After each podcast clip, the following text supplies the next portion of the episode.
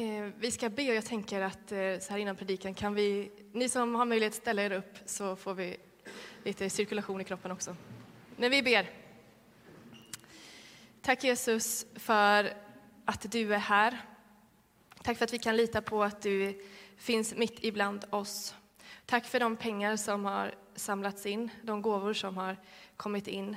Vi ber om att de ska få komma till nytta, att du ska få leda dem dit du vill.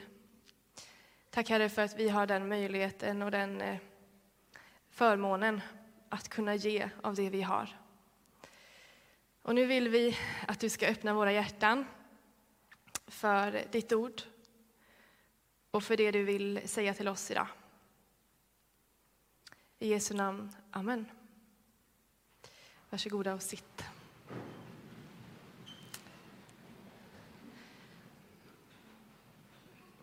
Tänk dig in att du är i slutet av ditt liv. Och du tänker tillbaka på åren som du har fått här på jorden. Vad har varit värdefullt för dig? Vad ångrar du att du inte har gjort mer av? Eller finns det någonting som du hade velat göra annorlunda? Vad har varit viktigt på riktigt för dig? Och som John redan har sagt här så är ju det temat på den här gudstjänsten och på den här predikan. Vad är viktigt på riktigt? Och om jag skulle gå ut här och fråga er var och en vad som är viktigt på riktigt för just dig så tror jag att eh, svaren skulle kunna bli ganska olika. Men en sak är ju säker och det är att vi hela tiden behöver prioritera och försöka göra tid för det som vi tycker är viktigt på riktigt. Jag till exempel, jag behöver prioritera mina barn, ge utrymme för oss att hänga, prioritera min familj. Jag behöver prioritera min man för att vår relation ska må bra. Jag behöver prioritera mina vänner om jag vill att de ska finnas kvar i mitt liv. Och tycker jag att Gud är viktig, och det gör jag, tro till dig. Jag tycker att han är riktigt viktig. Ja, då behöver jag också prioritera honom i mitt liv. Och livet är ju fullt av vägval, av stunder, av prioriteringar. Jobbar man i sjukvården så är man nog ganska van vid att behöva prioritera vad som är mest akut, vad som är viktigt eh, att prioritera i nuläget. Och här i kyrkan så funderar vi också ganska ofta över den frågan. Vad är viktigt? Vad ska vi prioritera i den här tiden med de resurserna som vi har? Vad känns riktigt viktigt just nu? Och som elev i skolan så funderar man nog också ganska ofta över vad är viktigt att kunna till det här provet? Vad ska jag prioritera att lära mig? Och jag tror att i de flesta yrken och i de flesta privata liv så, så ställs vi inför val och inför prioriteringar dagligen. Och runt det här temat då ska vi försöka tänka lite idag. Och som vanligt så kommer jag ge er mina tankar som jag har fått när jag har gått in i den här texten som vi kommer att läsa snart igen. Men fundera gärna själva. Låt det här bara få vara en igångsättning för dina egna tankar och hoppas att du kan själv känna inspirerad och gå hem sen och läsa mer om det här. Men för att förstå den här texten lite mer så behöver vi också förstå vilket textsammanhang som vi har tagit den här texten ur. Vi har ju som sagt haft en, ett tema här där vi har utgått från bergspredikan. Och det är ett av Jesu mest kända tal, kan man säga. Ehm, och det som händer precis innan våran text är att Jesus verkligen försöker förstå, eller få sina åhörare, åhörare att förstå och hitta deras varför. Varför ber ni? Är det för att andra ska se hur duktiga ni är? Han säger, gör inte som hycklarna. De älskar att stå i gathörnen för att människorna ska se dem. Sannerligen, de har redan fått ut sin lön. Nej, när ni ber säger han, gå in i din kammare och be där. Och rabbla inte bara en massa ord för att, liksom för att, utan be till din far i det fördolda. Då ska din far som ser också i det fördolda belöna dig. Han talar också precis innan vår text om fastan. Och han säger liknande där, gör er inte till. Se liksom inte dystra ut eller vanställa era utseenden för att ni fastar. Det gör hycklarna för att andra ska se att de fastar. Se hur duktiga de är. Nej, när du fastar, gör som vanligt. Tvätta dig som vanligt. Ta på dig dina kläder som vanligt så att ingen ser att du fastar. Men din far i det fördolda, han kommer att se att du fastar. Då ska din far som är i fördolda, säger Jesus, belöna dig. Alltså, Jesus vill få lärjungarna och de som lyssnar att förstå och fundera över deras varför. Varför gör ni saker? Är det för maktens skull? Gör ni saker för att verka duktiga? Gör ni saker för pengarnas skull? Gör ni saker för att bli omtyckta? Ja, men då har ni faktiskt fel motiv. Fundera över varför ni gör som ni gör. Jesus säger att det är, där ni har, eh, det är vart ni har ert hjärta som är det viktiga. Gud ser till det och han vill belöna er efter det. Och sen kommer vi då till dagens text, den som John här tidigare läste. Och jag vill läsa den en gång till. Det står så här. Samla inte skatter här på jorden, där mal och mask förstör och tjuvar, tjuvar bryter sig in och stjäl. Samla skatter i himlen, där varken mal eller mask förstör och inga tjuvar bryter sig in och stjäl. Ty där din skatt är, där kommer också ditt hjärta att vara. Okej, okay, så Jesus han har talat om vad är ert varför. Och han har även nämnt ordet belöning och här nämner han skatter. Jesus, man kan säga verkligen att han drar på här. Men vad innebär det egentligen? Ja, men att samla skatter här på jorden, det tror jag att både du och jag eh, förstår vad det innebär. Och bara för att ge lite fakta.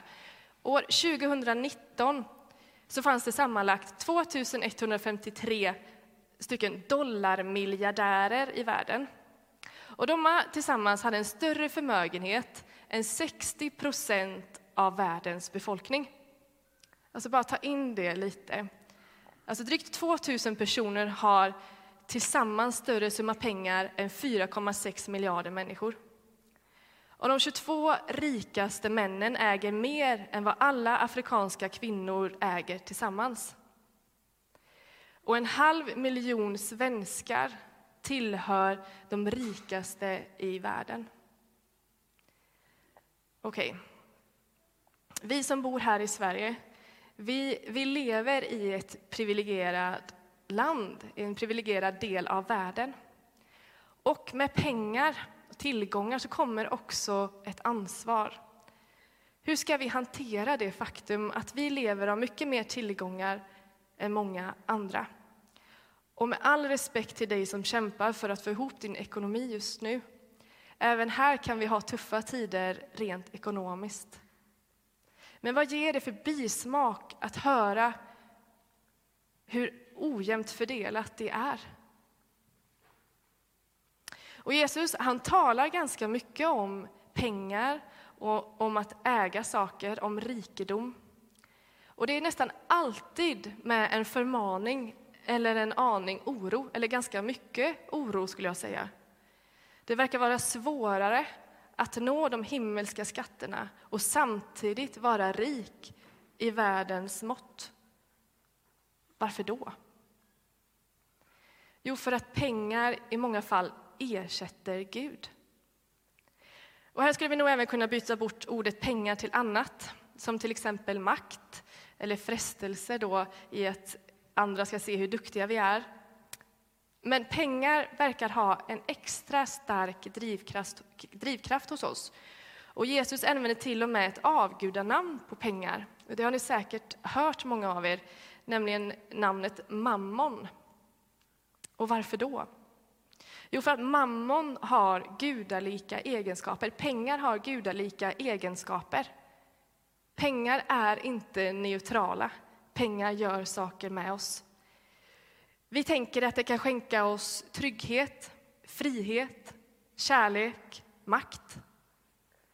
Mammon är en makt som försöker dominera oss och det här kan låta hårt, men Jesus är väldigt tydlig där. Och det finns eh, en artist som heter Thomas Andersson Vi. Många av er kanske känner till honom. Han har skrivit mycket bra sångtexter och han sjunger en av sina sånger så här. Det du vill äga kommer en dag att äga dig. Det du vill äga kommer en dag att äga dig. Pengarna försöker ständigt ta Guds plats. Pengarna får makten över mig, den makten som faktiskt Gud ville ha. Och handen på hjärtat nu. Hur många gånger är det inte lättare att känna, och särskilt i de här tiderna, att jag behöver bara jobba lite hårdare, behöver kämpa lite till för att tjäna lite mer pengar så jag kan känna mig lite mer trygg. Istället för att lägga situationen i Guds händer och låta honom göra dig trygg. Men jag är en av dem som mår bra av att ha och känna att jag har en rejäl buffert. Men är det fel då? Nej, inte nödvändigtvis. Och i de här tiderna som sagt så behöver vi kanske fundera lite kring vår ekonomi. Men vi kan också må bra över att fundera över våra prioriteringar. Blir det ditt enda fokus? Vart har du ditt hjärta? När pengar får ta Guds plats, eller när vi ger pengar all vår kraft, kärlek, energi, när vi hela tiden funderar över hur kan vi få mer, mer, mer, när vi blir giriga istället för givmilda, vad händer med oss då? Vad ger det för eftersmak i ditt liv? Det är nog inte alltid som vi mår så bra. Vi må vara ett av världens mest rika länder, men mår vi egentligen alltid så bra? Pengar, skatter på jorden ger min, mindre utrymme för Gud och det blir tyvärr mindre fri. Många har väl hört talas om det berömda ekorrhjulet som många, inklusive jag, kan känna att man snurrar i. Låna pengar för att kunna ha någonstans att bo. Vi tjänar pengar för att betala tillbaka. Vi lånar mer pengar för att köpa ytterligare saker, kanske en bil. Vi jobbar lite mer för att kunna betala tillbaka. Och så är man inne i det där hjulet. Och känner vi oss fria där? Nej, jag skulle inte säga det i längden, att vi känner oss så fria där. För pengar och saker binder oss och gör oss mer ofria än det vi kanske först skulle kunna tro. Så när Jesus talar om att vi ska investera i de himmelska skatterna istället, så behöver vi nog inte tänka att han menar att så här, oroa dig inte för det här livet, utan gör dig redo för nästa. Ordet himmel här ska nog snarare ses som där Gud är just nu, alltså där Guds rike är just nu. Om du lär dig att älska och tjäna Gud just nu så kommer du ha skatter i nuet, inte bara i framtiden. Naturligtvis trodde Jesus, liksom alla judar på sin tid, att Gud efter döden skulle ha en underbar framtid i beredskap för sitt trofasta folk. Men det hänvisade normalt inte till den framtiden som himlen.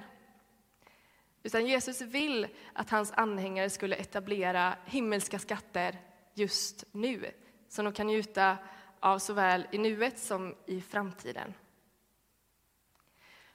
Och vi kan få samla skatter som inte någon mask eller mal kan bryta ner, som ingen tjuv kan stjäla eller som kan gå sönder. Och hur känns det egentligen? Jag tycker att det känns ganska skönt. Att kunna få investera i saker som faktiskt är bestående. Skatter som skänker dig en större frihet och som kan bidra till en bättre värld. Men hur samlar man de här skatterna då? Ja, vi får ledtrådar när vi läser Bibeln och när vi fortsätter framåt i bergspredikan. Det verkar viktigt att försöka lita på Gud. Att försöka lita på Gud, att försöka ge honom makten och ge honom äran. Men obs! Inte för att andra ska se hur duktiga vi är, utan för att du verkligen vill och tror att det är den bästa prioriteringen som du kan göra. Jesus är tydlig. Gud vill inte bara att vi ska be för att andra ska se eller göra fromma handlingar för att andra ska tycka att vi är duktiga. Nej, han vill att du ska ha din överlåtelse hos honom för att du vill det. Det är ett fritt val. Det är för att vi vill det i så fall. Inte, inför Gud behöver du inte prestera, jobba hårt eller investera för att han ska se dig eller för att han ska skänka dig trygghet och frid och frihet. Du behöver inte oroa dig för om det här kommer att hålla eller inte, eller om du behöver byta ut det här om två år, som man behöver göra med mycket av våra tekniska prylar. Nej, att samla skatter i himlen börjar först och främst i din relation till honom som har skapat dig, som älskar dig och som vill bo i ditt hjärta. Och det är han som säger Håll fast vid mig istället för pengarna. Håll fast i mig istället för makten. Håll fast vid mig istället för din bil, för vet du vad? Jag kommer att hålla fast vid dig. Och jag vill att du ska bli fri från dina bördor. Jesus säger så här vid ett tillfälle. Kom, ni, kom till mig alla ni som är tyngda av bördor, jag ska skänka er vila. Och Jesus säger även precis efter våran text i, ett annat, i en annan passage så säger han så här. Sök hans rike och hans rättfärdighet så ska ni få allt det andra också. Han vill ge dig det du behöver. Och det kanske inte alltid är det du själv känner att du behöver. Ja, men man kan ju känna att man behöver till exempel ett par nya byxor, en ny bil, inte vet jag. Och att man kanske känner att Nej, men det där får jag ju aldrig. Men Gud ser till ditt hjärta och vad ditt hjärta behöver. Och vill fylla det med kärlek till dig, och till dig själv, till andra och till Gud. Investera i honom. Prioritera Gud, så samlar du himmelska skatter. Och om pengar har en förmåga att göra oss giriga så verkar det vara ett bra sätt att samla himmelska skatter att vara det motsatta. Att nämligen vara givmild. Där din skatt är kommer också ditt hjärta att vara. Är du givmild med det du har, se dem du har runt omkring dig, så samlar du skatter i himlen. Det verkar enligt Jesus vara en väldigt god prioritering. Och ju mer du investerar i andra, ju mer du lägger pengar på andra, på din församling, på välgörenhet, desto mer hjärta får du också där. Har du lagt mycket pengar, tid, kraft på något så blir du också mer mån om det. Får mer kärlek för det. Och Jesus, ja, ni som vet någonting om Jesus vet ju också att ofta var han ganska radikal, eller väldigt radikal. Och det är han också vid ett tillfälle när han träffar en man som ägde mycket. Och den här mannen det var en väldigt from man som höll alla budorden och ville gärna vinna det eviga livet. Och han frågar Jesus hur han ska göra för att göra det. Och då säger Jesus till honom att han ska sälja allt han äger och ge till de fattiga. Då får du en skatt i himlen. Och vad menar egentligen Jesus här? Jo, att det inte är pengarna, grejerna, makten, det du kan visa upp som gör dig rik inför Gud. Det imponerar inte på honom. Han ser till ditt hjärta. Och Jesus visste mannens prylar, hans rikedom, hans grejer, att det band honom. Mannen var inte fri. Han såg vad som behövde göras för att få mannen att bli fri. Rädda honom och våga lita på Gud. Och det var genom att ta bort det som band honom. Det som skänkte honom kanske en falsk tillfredsställelse, en falsk trygghet. Och Gud ser även orättvisorna i världen och gillar inte dem. Därför har de som har pengar också ett ansvar att vara givmilda, försöka jämna ut klyftorna Och det kommer inte bara gynna de fattiga, utan även dig. Därför tror jag Jesus sa att han skulle skänka allt till just de fattiga. Vad är viktigt på riktigt för dig? Och vad är viktigt på riktigt för oss som församling? Och jag vill avsluta med ett nutida exempel. Jag hörde en gång ett exempel från en församling eh, från en större stad. Och de hade länge haft en intern konflikt i den här församlingen kring lovsång eller psalmsång på gudstjänst. Det kan ju låta lite banalt, men eh, det här var en stor grej i den här församlingen. Vad ska vi ha för genre på musiken på våra gudstjänster? Och det var liksom en eh, ja, infekterad konflikt och de visste liksom inte riktigt hur de skulle lösa den. Men så började de fundera på det här, men vad är viktigt på riktigt för oss? Och så eh, de befann sig liksom i en stad där det fanns mycket människor som hade inte riktigt lika bra som dem, utsatta områden. Så de sa att vi anordnar en eh, sopplunch här på lördagar. Så de började göra det. Eh, församlingen blev engagerad i det här. Varje lördag så kom det jättemånga människor till den här sopplunchen, fick mat, eh, fick någon att samtala med. Och det som hände i församlingen det var att deras fokus förflyttades från det här med vad ska vi ha för sång på gudstjänsten till att hur ska vi hjälpa dem där ute? Och den här konflikten, den liksom försvann. Det blev inte lika viktigt längre, för deras hjärtan hade flyttat ut på gatan. De la tid, de la pengar, de la kraft på de utsatta, på de fattiga, och deras hjärtan landade också där. Ty där din skatt är kommer också ditt hjärta att vara. Vart vill vi lägga våran skatt? Vart vill vi att vårt hjärta ska vara? Och då måste det inte nödvändigtvis handla om pengar. Nu har det handlat mycket om det idag, men det måste inte nödvändigtvis vara det. Det kan handla om tid, det kan handla om kraft. För där som vi lägger det, det handlar om prioriteringar. Där kommer också vårt hjärta att vara. Och det kommer skänka oss en större meningsfullhet, en större frihet och faktiskt, paradoxalt nog, tror jag, en större vila. Och Jesus, han vill ge allt det här till oss. Han vill alltid att vi ska vara fria. Det är alltid hans huvudmål och fokus att göra oss fria i honom och ge, hon, ge oss sin kärlek. Vi ber. Tack Jesus för att du älskar oss och för att du vill få oss att vara fria och att du vill hjälpa oss ut ur saker som binder oss.